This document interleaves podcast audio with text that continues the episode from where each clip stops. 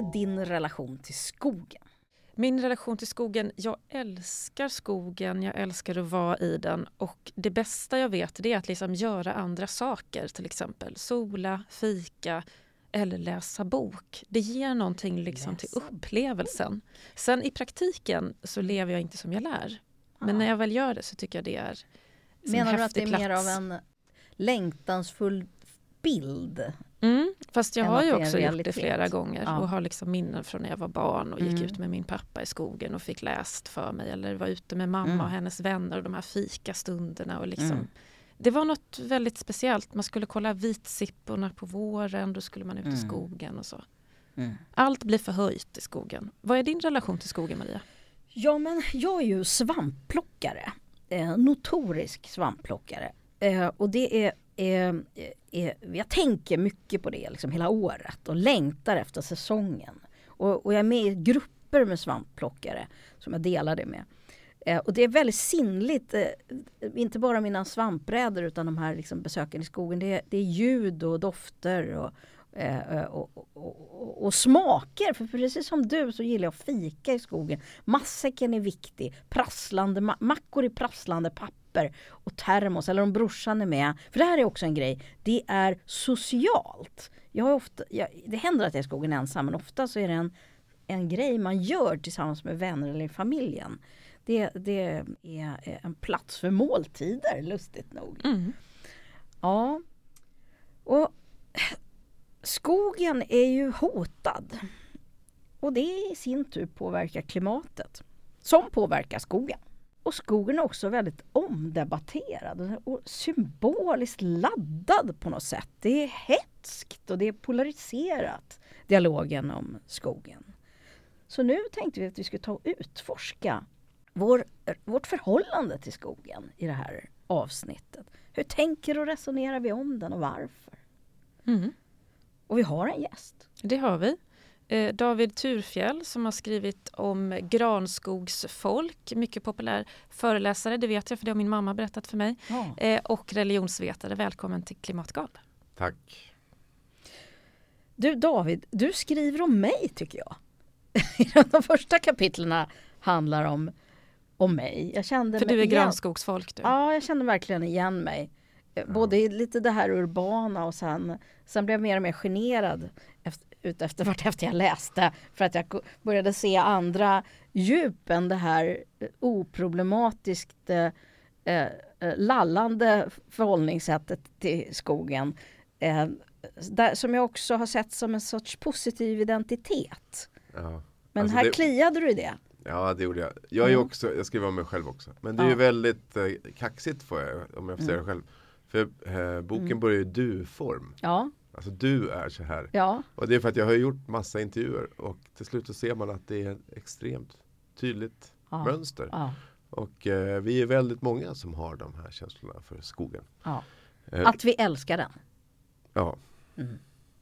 Men inte bara älskar den utan eh, vi då får jag sä- säga eftersom att jag också kommer läsa boken och blir en du. Vi älskar skogen och vi älskar den på något slags andligt sätt. Ja, jag sk- I boken använder ordet att det finns en existentiell djup dimension Mm. i denna naturkärlek. Det är inte bara för att man behöver äta svamp eller för att man sparar pengar eller för att man behöver motion och, eller det är bra för barnen och så, utan det finns också något djupt personligt med den här kontakten. Att den är nästan ens mest eh, angelägna plats. Och detta i världens mest sekulariserade land. Hur hänger det ihop?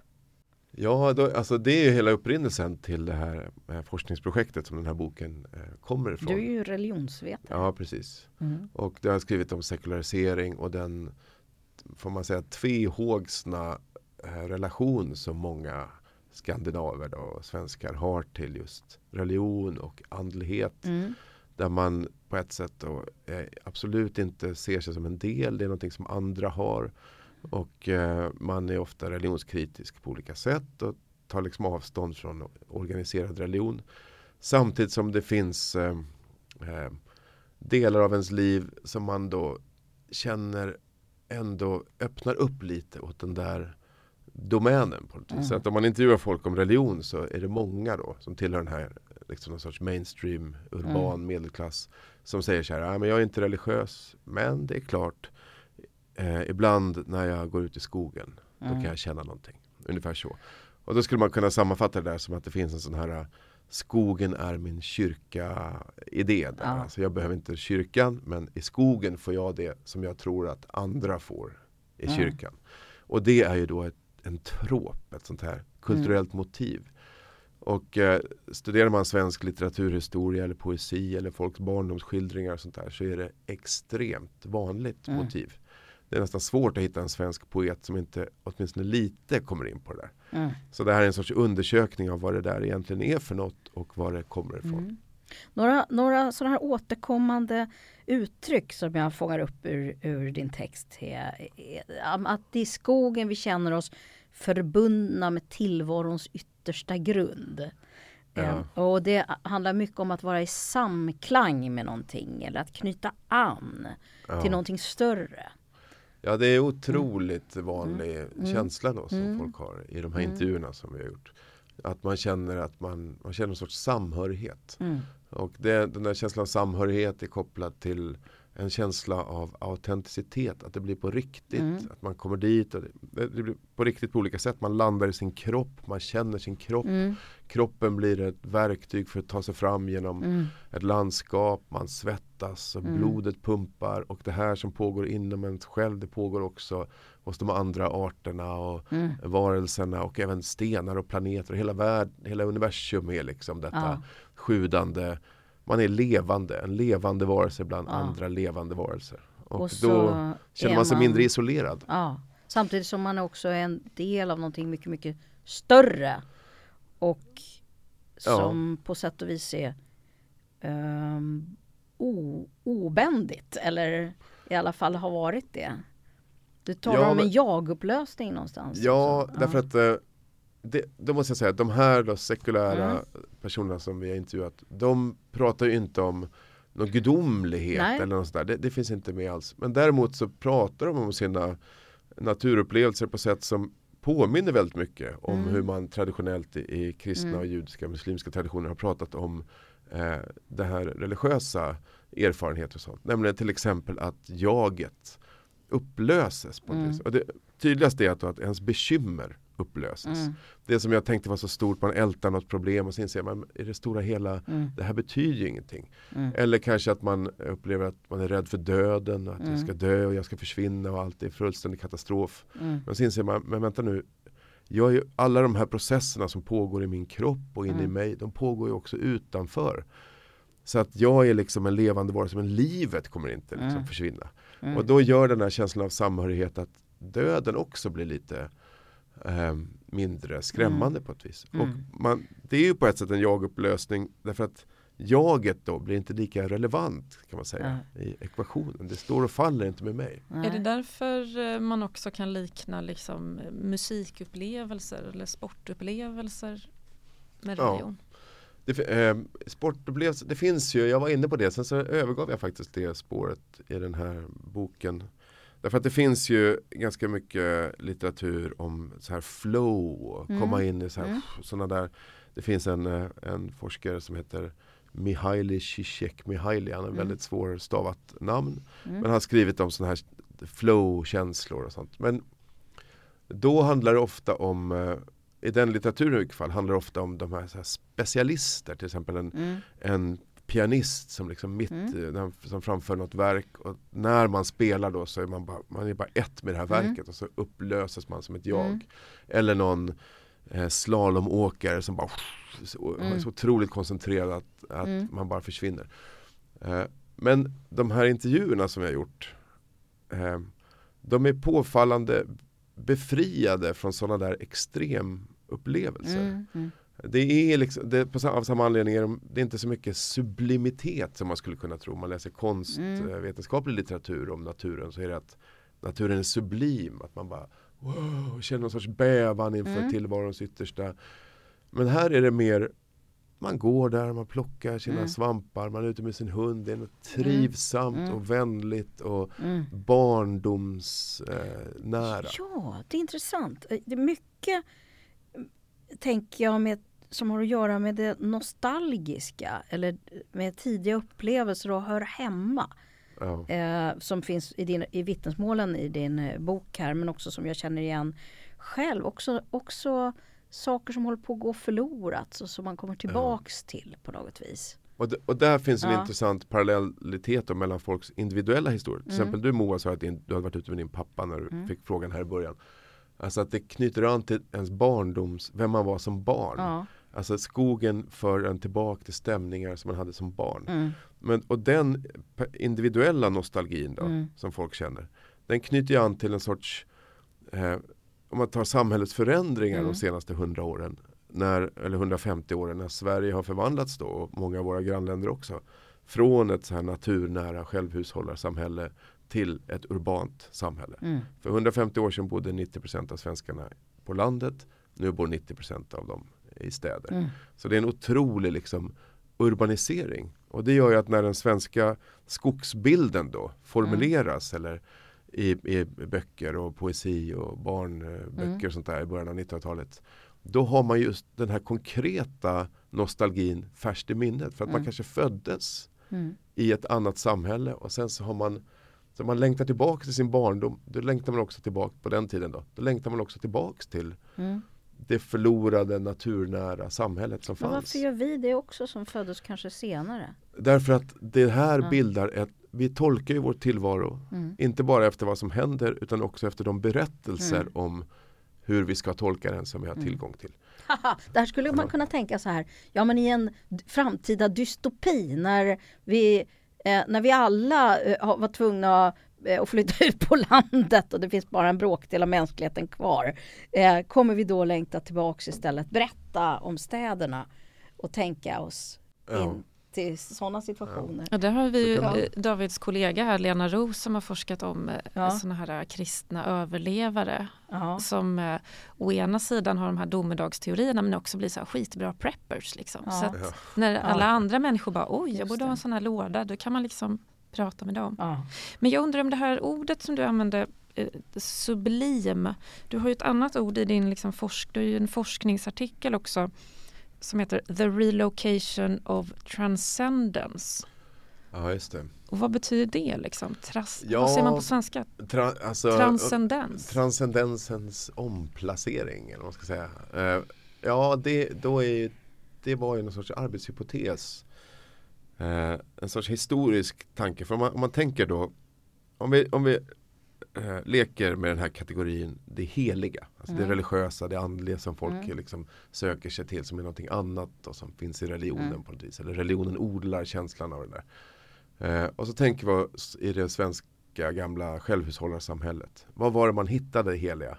Jo, det var ju det mest heliga var ju det som fanns inne i kyrkan liksom, vid en högmässa på en Mm. söndag. Så vid ett stenaltare i en stenkyrka omgärdat av ett skyddsvärn i mitten av staden. Mm. Där fanns det heliga. Mm. Och eh, det här heligas kraft och detta kristna, sen medeltiden, då, det hela, heligas eh, kraft, det nådde så långt ut i ödemarken som kyrkklockorna liksom kunde höras Mm. ungefär. Och sen fanns det ett hedniskt mörker där ute. Ja. Och så tittar vi nu då samtidens eh, eh, Mm. sekulära eh, svenskar. Var upplever de den här heliga? Jo, då är det ju till och med så att ju mer orörd vildmark är, Mm. desto mer får man en existentiell djupupplevelse enligt Ja. sådana här enkätundersökningar. Och det betyder att nu finns det heliga på den absolut motsatta platsen. Alltså det ska helst vara helt orört av människohand Ja. längst ut i Ja. Sareks nationalpark. Mm. Liksom.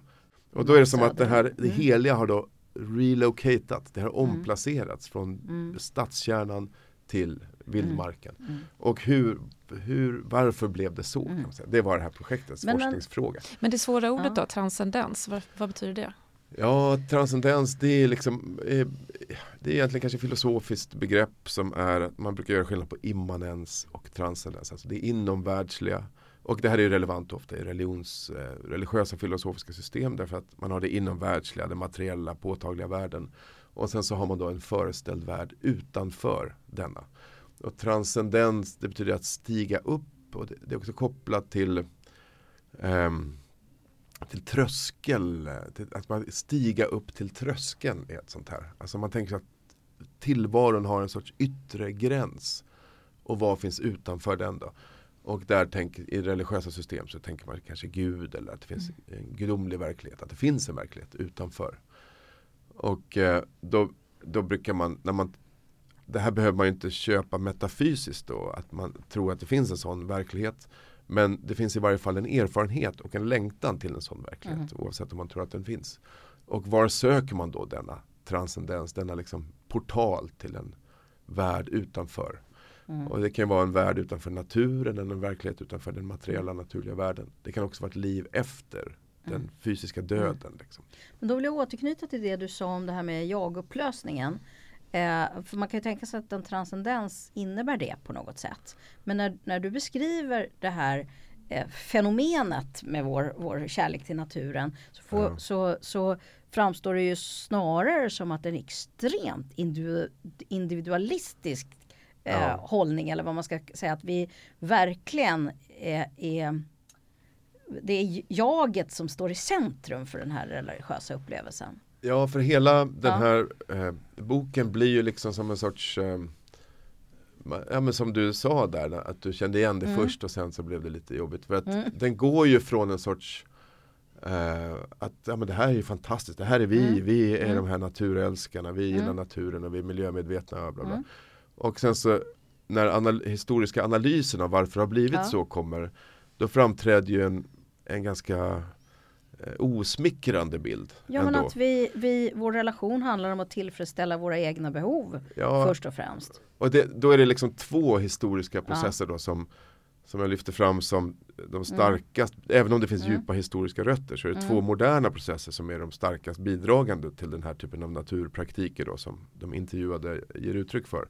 Och det ena är ju då industrialiseringen och urbaniseringen, alltså Mm. fjärmandet från naturen. Och det andra är framväxten av individualism. Mm. Och, eh, och, det som, och då har jag en liten eh, annorlunda kanske take då på hela det här med individualismen. För att individualismen är ju dels en sån här eh, ja, men en sorts värdering att varje individ har rätt att hitta sig själv och vara den man är och, Mm. och uttrycka det i världen så länge man inte skadar någon annan. ungefär så. Mm. Det är liksom ett politiskt ideal. Mm. Men det finns en annan sida av individualismen som har att göra med eh, hur man tolkar världen. Och där är det väldigt viktigt då och det gäller också den här individualismen som politiskt ideal, att man känner efter. Mm, Alltså att känna efter, till exempel att ha en, en individuell preferens kring vilka kläder man vill ha Mm. eller vilken frisyr eller vilket yrke man vill Mm. välja eller vilken partner man vill ha, om man vill Mm. ha en partner, om man Mm. vill bo i stan, var man vill bo. Mm. Alla de här valen som man ställs inför. Alla de handlar om att liksom känna efter, vad vill jag egentligen? Mm. Och att sen utvärdera världen efter vad jag vill Mm. och att agera på det. Mm. Så att det är en sorts utvärderingskultur som hänger samman med individualismen. Mm. Och, det där, och det är också en träningssak. För att om man kommer från ett sammanhang där man aldrig har fått välja någonting. Då är det också svårt att säga, vad tycker du? Vad tycker du? om-" Mm. Eller ta, de flesta människor som kommer till en konstutställning till exempel. En modern konstutställning och som inte är fostrade i den typen av Mm. kultur. De kommer ju känna, shit vad ska jag tycka om det här? Mm. Det är jättesvårt. Man måste Mm. lära sig att våga känna efter och att agera på sitt Mm. kännande. Men vad, vad, hur tar det sig uttryck då i relationen till Jo, för det här innebär ju då att naturen? Jo, men Mm. därför att det som händer då är att man börjar utvärdera i individualistisk kultur även sånt som aldrig har utvärderats. Mm. Till exempel förstås sånt som vad man, vad man ska jobba med och könsroller Mm. och massa olika saker som, eh, som ut, liksom har förändrats.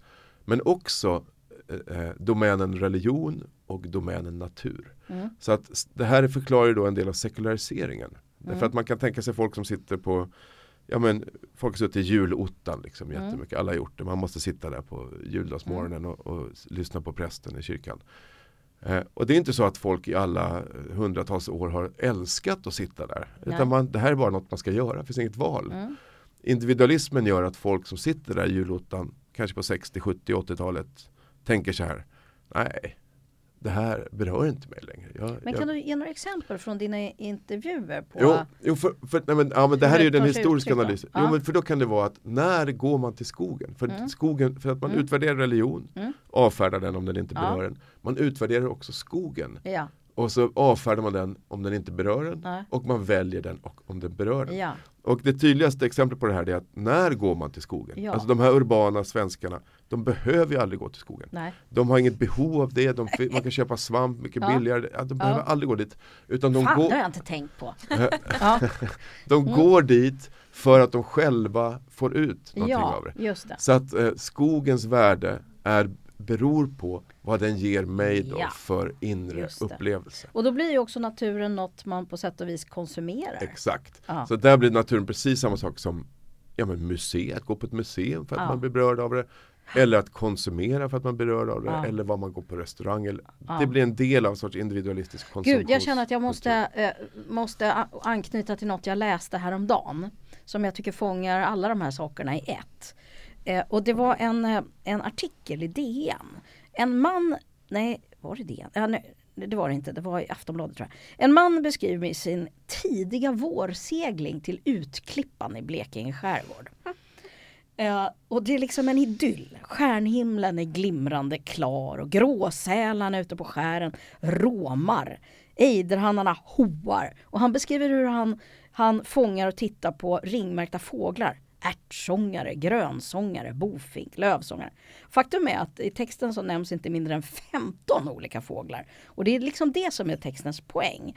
För det är nämligen en kritik mot att nutidens människor inte kan namnen på och därför inte heller känner igen arterna. Och när man inte gör det så, så, så, så ser man dem inte heller och upplever dem. Och, och när jag läste först det här så tänkte jag eh, att jag kände igen mig för att jag tycker att mitt så här sinnliga upplevande av svampar och växter eh, eh, liksom liknar det här. Och så önskar jag att jag också kunde fåglar och alla fåglar är gråsparvar för mig och det är lite tragiskt. Men, säger skribenten, om man inte har tillägnat sig den här typen av kunskap så riskerar man att hemfalla åt äldre mystifierande syn på naturen. Den, säger han, kommer till uttryck i en särskild undergångsgenre hos okunniga författare och i klimatdebatten. Naturen är då hotfull och till, tillskrivs heliga egenskaper. Och det här, menar han, leder till att människan, den roligaste och mest intressanta art som finns, ses som ett hot mot jorden. Och det är lite pikanta är då att den som har skrivit det här, det är PM Nilsson. Den ålfiskande för detta statssekreteraren. Som också var hjärnan bakom sitt partis mycket kritiserade, eller möjligen obefintliga, vi väntar fortfarande, klimatpolitik. Jag tycker att det var ett roligt... Jag förstår inte alls argumentation, alltså hoppet där från att han märker fåglar till att man ser naturen som helig till att man tror att den är hot. Jag hängde inte med i hans argumentation Maria. Nej, det, kan, det är möjligen mitt fel, jag vet inte riktigt. Men jag, vad, det jag ser här är ju att han illustrerar ett förhållande till naturen som delar in, begreppslägger och kontrollerar och på så vis upplever naturen och uppskattar den. Mm. Eh, Ja men det finns eh, ja, många intressanta grejer med det där. Alltså en sak är ju att den här eh, Mm. att känna till vad småfåglar heter Mm. och vad svampar heter. Och där. mm, Det är inte nödvändigtvis uttryck för en naturnära, den gamla skolans naturnära liv. nej, Jag tror att man i självhushållarsamhället var ganska ointresserad av ja, fåglar. Det finns till och med gamla etnografiska uppteckningar av, av folk på landet som blir helt eh, chockerade när det kommer någon, någon skolfröken från stan och lyssnar på fåglalåt och håller på med Ja, sådana där. Mm. Eh, svampplockning eh, fanns inte i det Nej, svenska det. självhushållarsamhället. I, I Ryssland hade de det traditionellt. Mm. Men i Sverige är det en borgerlig, det är en borgerlig tradition. Det är mm, ett uttryck för ett borgerligt naturintresse. mm, Och just eh, den första sån här eh, miljöorganisationen vi hade i Sverige tror jag var just någonting som hette Småfåglarnas vänner som Mm. grundades i, i Göteborg på 1800-talet. mm, Där man intresserar sig för arterna och man ser någon sorts Mm. skönhet. Och det, det där är liksom en Mm. del av den här av en urban naturkärlek mm, som växer fram i takt med att man fjärmas från den verkliga mm, naturen. Och de som har, lever i den verkliga naturen de går ju där och räknar virkeslängder och, och eh, kollar rågångarna och kollar Mm. jaktbestånden. Och, att de har en mycket mer pragmatisk Mm. förhållningssätt. mm, Därmed kanske de inte älskar naturen mindre men det är liksom skillnad. Och sen så finns det också en tudelning som han var inne på där mellan en naturvetenskaplig ska Mm. säga, kunskap om naturen Mm. och en mystifierande.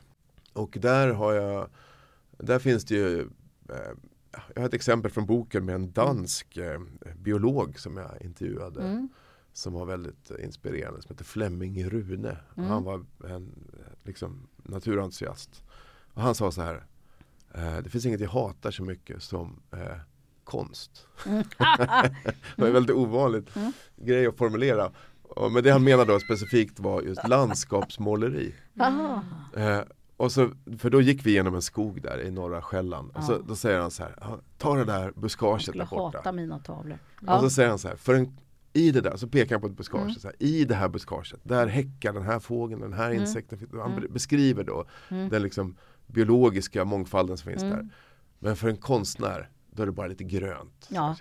Alltså de, de bryr sig inte. Han, det, från det biologiska perspektivet så är man kritisk mot det här någon sorts eh, mystifierande kultur eh, eller så, eh, romantisk liksom, Ja. natursyn som inte bryr sig om de faktiska arterna.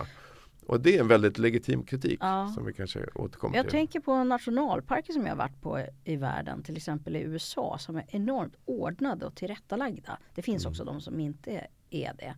Och även i Eu- Europa, eh, eh, när man går ut i naturen så kanske det enda man kommer åt är egentligen stora parkområden. Eh, och eh, jag vet faktiskt inte vad det var jag fick eh, det redovisat för mig. En undersökning, det handlade om stadsplanering i alla fall, om vilken natur människor föredrog. Och då föredrog de en sorts ordnad natur. Alltså till och med till och med upplevde den som mer naturlig än den verkliga. Den verkliga naturen är ofta risig, klafsig och svårgenomtränglig. Mm. Eh, Och det där, mm, det där går faktiskt väldigt långt tillbaka i historien. Det är Mm. inte, alltså det här att, vild, att genuin vildmark mm, skulle vara någonting eh, liksom vackert eller Mm. liksom eh, det är väldigt modernt. Alltså. Även, även i, Mm. genom hela historien så är det liksom, ska, det, det liksom eh, kultiverade jordbrukslandskapet som Mm. är det vackra.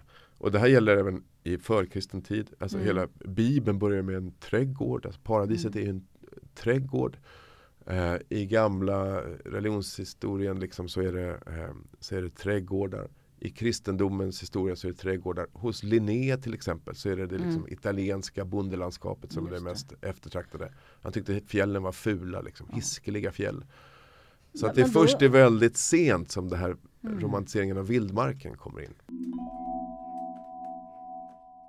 Men då undrar man ju över granskogs, granskogsfolk. Vilken sorts skog talar vi om här? Är det planteringarna med snörräta rader vi talar om? Eller vilken granskog talar vi om? Ja, men det är ju Mm. ofta, eh, om man tänker vad de Mm. faktiskt besöker så är det ju de tillrättalagda natur, strövområden och eh, Mm. naturreservat, nationalparker som vi har i Sverige. Mm. Ehm, Och på samma bana kan man undra över saker som vi sörjer. Vi skulle sörja om nyckelpigan dog ut, men skulle vi sörja fästingen? Eh, är det det som vi tycker är vackert som vi är rädda om, men inte det vi inte tycker är vackert? ja, ett, ehm, Och är vi överhuvudtaget rädda om det bara för att vi älskar det? Det kan man också fråga sig. ja, fästingen kanske inte så många skulle eh, engagera sig för. Men du är ju inne på det här att om man nu tycker Mm. att skogen är helig och man älskar den platsen, gör det också att det här jaget som har värderat och känt efter och känner ja, jag blir berörd av skogen. Är det också den individen som sen kan tänka sig att försvara skogen mot eh, klimatförändringar?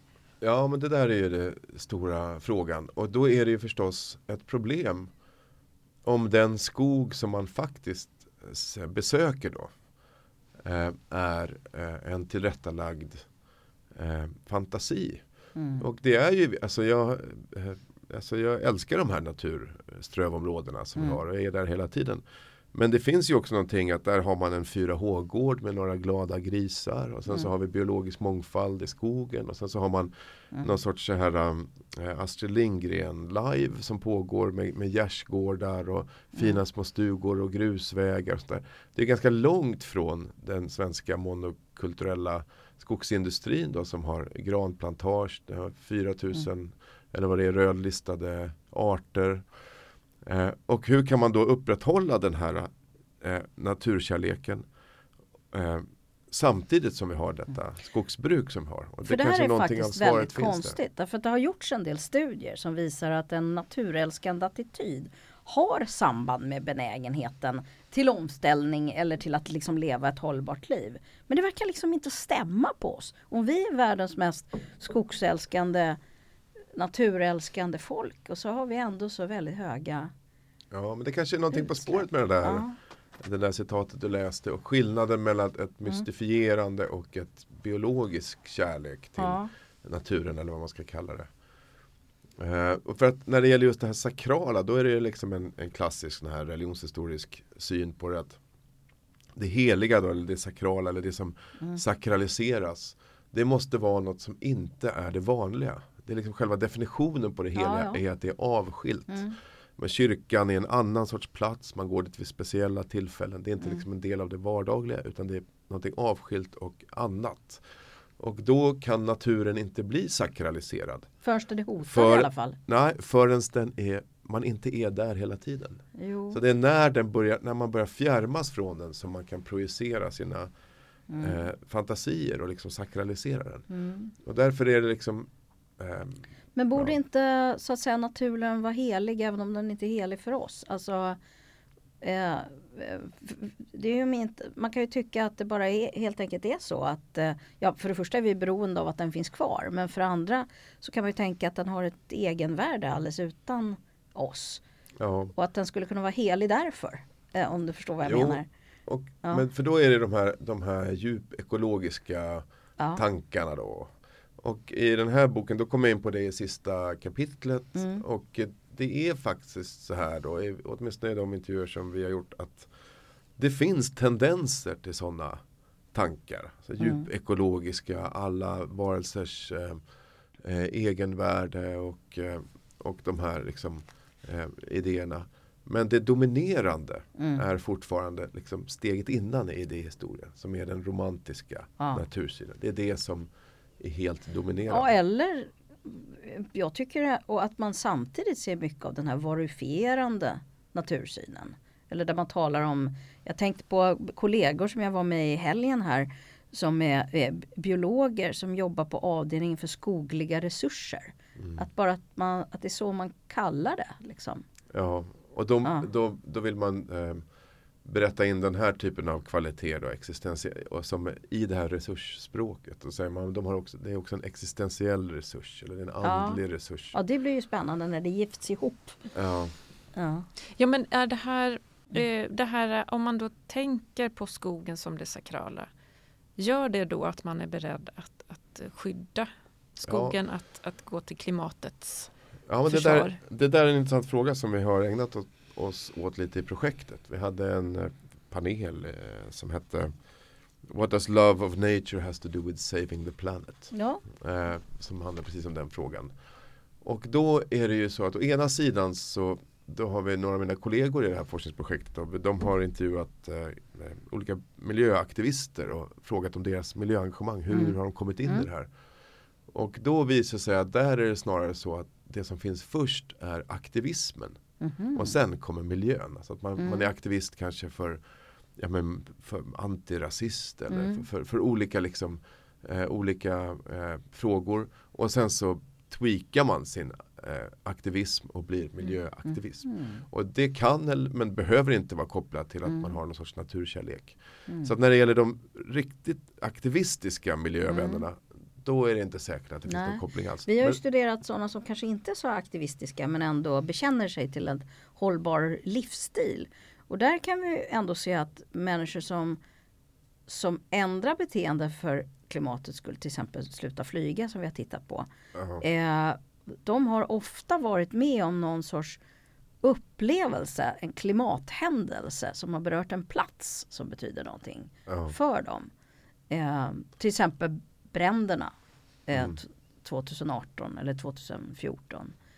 Eh, Ja.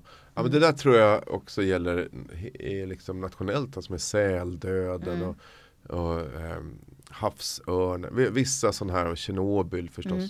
Men det, jag vill bara säga att det kan ju vara så att även om aktivisterna inte nödvändigtvis Mm. är, kommer från den här naturkärleken så kan ju naturkärleken också eh, göra en, att man blir villig att gå med på vissa politiska reformer. Mm. Alltså på bred skala. Mm. Jag tror inte att det eh, Jag har läst en del studier som pekar mot att en klimat en naturälskande attityd, vad det nu är. Eh, att man liksom prioriterar och betonar eh, na- naturen. Det har i alla fall samband med, med, med benägenheten till omställning. Men där handlar det mer om individuell omställning, alltså vad man gör för egna livsstilsval. Men eh, som sagt, jag är lite osäker på och det finns ju hur det står också till med oss svenskar. Mm. Det kan ju också vara så att ja, det här har jag läst någon studie som eh, hävdar att det finns ett negativt samband mellan Mm. självbild och faktisk eh, liksom, klimatpåverkan. Mm. Där det är så att de som har starkast liksom, miljövänlig självbild Mm. är folk som bor på landet eh, och liksom lever kanske säger gröna vågare. Mm. Men som eh, också kanske värmer upp ett stort hus Mm. och de kör mycket Mm. bil och det går liksom inte att leva det livet utan att få ganska stor klimatpåverkan. Mm. Eh, Medan de som har sämst eh, självbild kan vara fattiga och Mm. trångbodda Mm. som bara åker kommunalt och som bor Mm. litet. Ja. Och som, men de köper inte ekologisk mjölk så att de Mm. tycker att de är lite Mm. så här klimatbovar. Men de gör inte så mycket Riktigt. impact. Vi tenderar ju också att tro att eh, det är väldigt kostsamt att leva klimatvänligt och själva verket så på det stora hela är det egentligen tvärtom. Men hur, hur fick Ja. skogen den här liksom bilden av att symbolisera miljömedvetenhet? För att ofta är det ganska vanligt med företag som så att säga vill klimatkompensera. Då säger de så här, ja, gör det här hos oss som är miljöfarligt men vi köper några träd. Mm. Och att väldigt många då tycker att det låter ju jätterimligt. Hur, hur fick skogen den här superpositiva klimat... Ja men är det inte bara rent eh, kol- koldioxid eh, liksom att eh, koldioxiduppslukande effekten som, och då är träd en rimlig enhet. Är Fast det funkar den- väl inte riktigt, eller hur Marie? Ja, det problemet är ju att det bästa är ju i allmänhet att låta träden stå kvar snarare än att plantera, ta bort dem och plantera nya. Eftersom det tar så lång tid innan de börjar ta upp lika mycket koldioxid som Jag såg en, Ja. så, jag såg en fotbollsspelare, så här, ma- manlig, ni vet, klubbfotbollsspelare, mycket pengar. Mm. Det var så här, jag gör den första klimatneutrala transfern någonsin. Och det han hade gjort var att plantera några träd.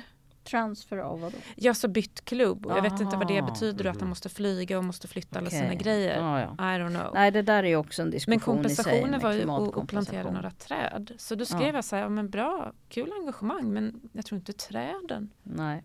Eh, Ja, det är nog ett avsnitt Förändrar. i sig. träden. Eh, Mm. med, detta med klimatkompensation. Har vi gjort ett sånt? Nej, det borde vi göra. Nej men egentligen kanske Ja. det inte alls tilltalar klimatvännerna. Det Ja. kanske tilltalar den här granskogsfolket, det religiösa, andliga. Ja, just det. Eh, jag älskar också skogen. Det kanske är det Mm. egentligen man, man visar. Ja. Ja, just det. Ja, jag vet. Det är en intressant fråga faktiskt. Jag har inte tänkt så mycket på det. det Mm. Men det kan ju vara, jag upplever att det är lite separata grejer. Faktiskt. Mm. Att det där plantera träd, det är så här vi skogen. Ja. Mm.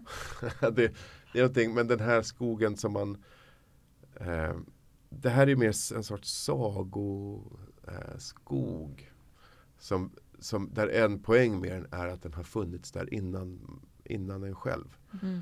Men den är ju inte en saga David, den är ju på riktigt. Ja, ja, men och den är hotad. Ja. Ja, men eh, nu pratar jag om den här rom- romantiska Ja, jo, jag eh, skogskärleken. Och då är poängen att man går ut i denna ålderdomliga plats. Ja. Det är inte att jag bygger upp den genom att plantera nya träd. Nej, nej, men nej, det stämmer ju. Men, men jag tänker på, nu talar vi om det på sätt och vis. Vilka tycker jag, skogar men vi måste lite- rädda då Maria? Nej men vänta, jag, jag, jag tycker att vi talar om det på ett lite raljerande sätt här. Mm. Jag, jag ser ju verkligen problem i den. eh, eh, Jag tar det personligen. Nej jag skojar bara. Jag ser problem med det här synsättet som är väldigt individualistiskt i förhållande till eh, na naturen. Men jag tänker ändå att eh, det finns alla anledning att älska skogen. Och, eh, och frågan är hur skulle vi kunna göra det på andra sätt?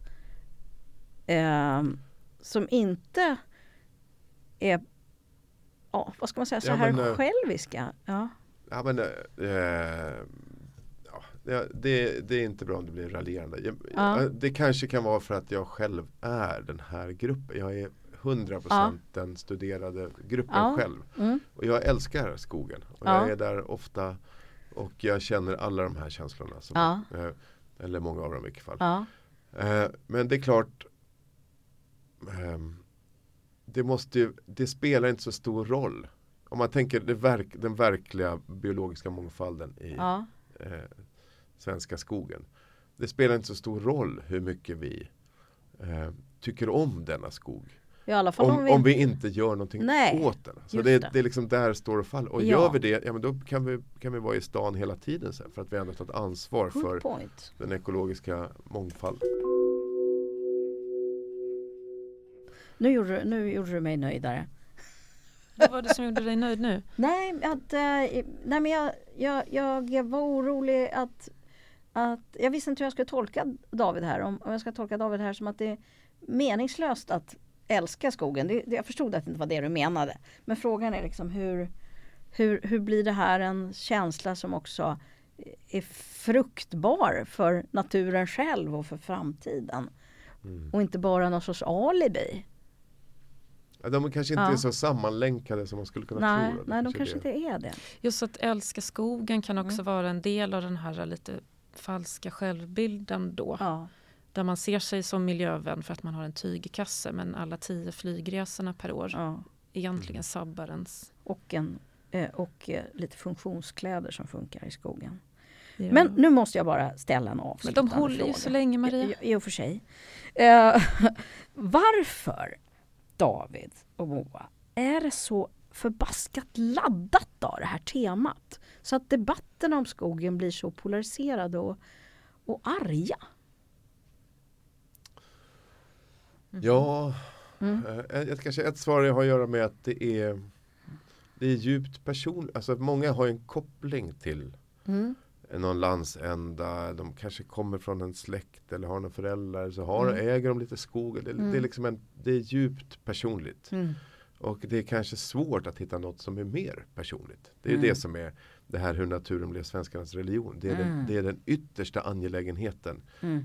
Om den ska ha en plats, ja men då är det i, skogen och naturen och Ja. barndomshemmet och sådär. Och då är det det heliga som utmanas. Liksom. Ja, så att det, är liksom, det, berör, det är inte en neutral fråga för de Mm. flesta.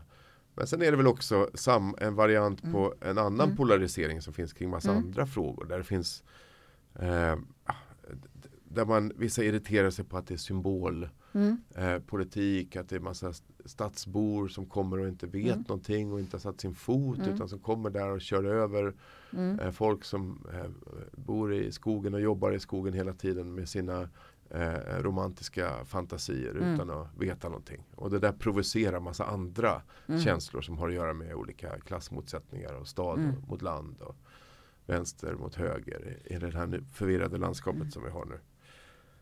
Så med, med våra, eh, man kan säga att det är tankevärldar som gnisslar mot varandra på olika sätt. Eh, Ja. Om vad skogen är och ska vara. Och, och, och som är djupt förankrade i hur vi upp, vad, vad vi upplever som vår identitet och viktiga Ja. värden. För en sak som kanske Ja. är intressant för det, det är det här som Mm. jag också verkligen känner själv. Mm. Det är att alla de här som jag har intervjuat, Mm. de känner ju att, att, och så här känner jag också själv, att alla ni andra som är ute i skogen, Mm. ja men det är bra att ni håller på, men jag är där på riktigt. Ja, För och mig, det är äkta. Jag har en genuin Mm. kontakt. Jag är Mm. ointresserad av alla de här turisterna som är ute Ja, där det. och, och plockar svamp. Min relation till Ja. skogen, den är något annat. Och när jag möter dig i skogen så tänker Ja. jag den där David han är inte här på riktigt. Ja, exakt. jag är det. Så att alla känner att de är, Mm. och det är också en annan del av den här individualismen. Att, Jag älskar det här när man går i de här naturreservaten Mm. i Stockholm när det kommer familjer där alla har eh, såna här skogsmärken på kläderna. Mm. Att det liksom är så här, det är allt, det är mössa, det är Mm. byxor, det är skor, det är jacka och liksom de tre barnen har också det här. Och själv Ja. som förälder är så vet jag också hur, hur mycket det faktiskt kostar med, med sådana här typer av kläder till liksom alla Ja. barnen. Att man kan inte ta något från någon sån här annan vanlig klädbutik. Liksom, Men det här är utan- ett äkta engagemang, det kan man verkligen se då. Ja, man kan se det. Man kan se det. Och de tycker säkert att jag har fel kläder på mig. Ja, Vad tror hon? Att hon går i stan eller? ja. Hon ska Min kolla på larviga mössa med massa svampar på. Nej men den är underbar Maria. Har du någon viktig fråga som du vill ställa Maria som du känner att vi inte har fått med? Jag tyckte det var en sak som, eh, eh, som, jag, som var eh, fin i det i, som jag har- kommer tänka vidare på när jag läste din bok David och det var det här med att när man går en stig så även om man går den tyst och ensam så är det på ett sätt en kollektiv aktivitet för att, apropå pilgrimsvandringen. Ja. Eh, som, och man kan också fundera över pilgrimsvandringen som en sorts metod till ett, till ett förhållningssätt till skogen. Eh, som nu också faktiskt börjar växa fram någon sorts rörelser inom klimatvärlden. Eh, eh, mm. Eh, där man ordnar olika typer av vandringar som har både det här syftet att uppleva det, det, det den här vördnaden eh, men också att göra det kollektivt och att få det att leda till någon sorts liksom handling. Det binder samman alltihopa. Ja. Man kan ju till och med gå en sån vandring med sin lokala kyrka. Då får man liksom en maximerad andlig effekt. Kan man. Ja. Eller med David kanske. Har du skogsguidningsföreläsningar? Ja, jag har faktiskt haft sådana här skogsföreläsningar. Då ja, går man det. 20 minuter, sen så 10 minuters föreläsning och sen ja. lite kaffe. Väldigt trevligt. Perfekt. Mm. Det skulle vi göra Maria, skulle ja. passa oss.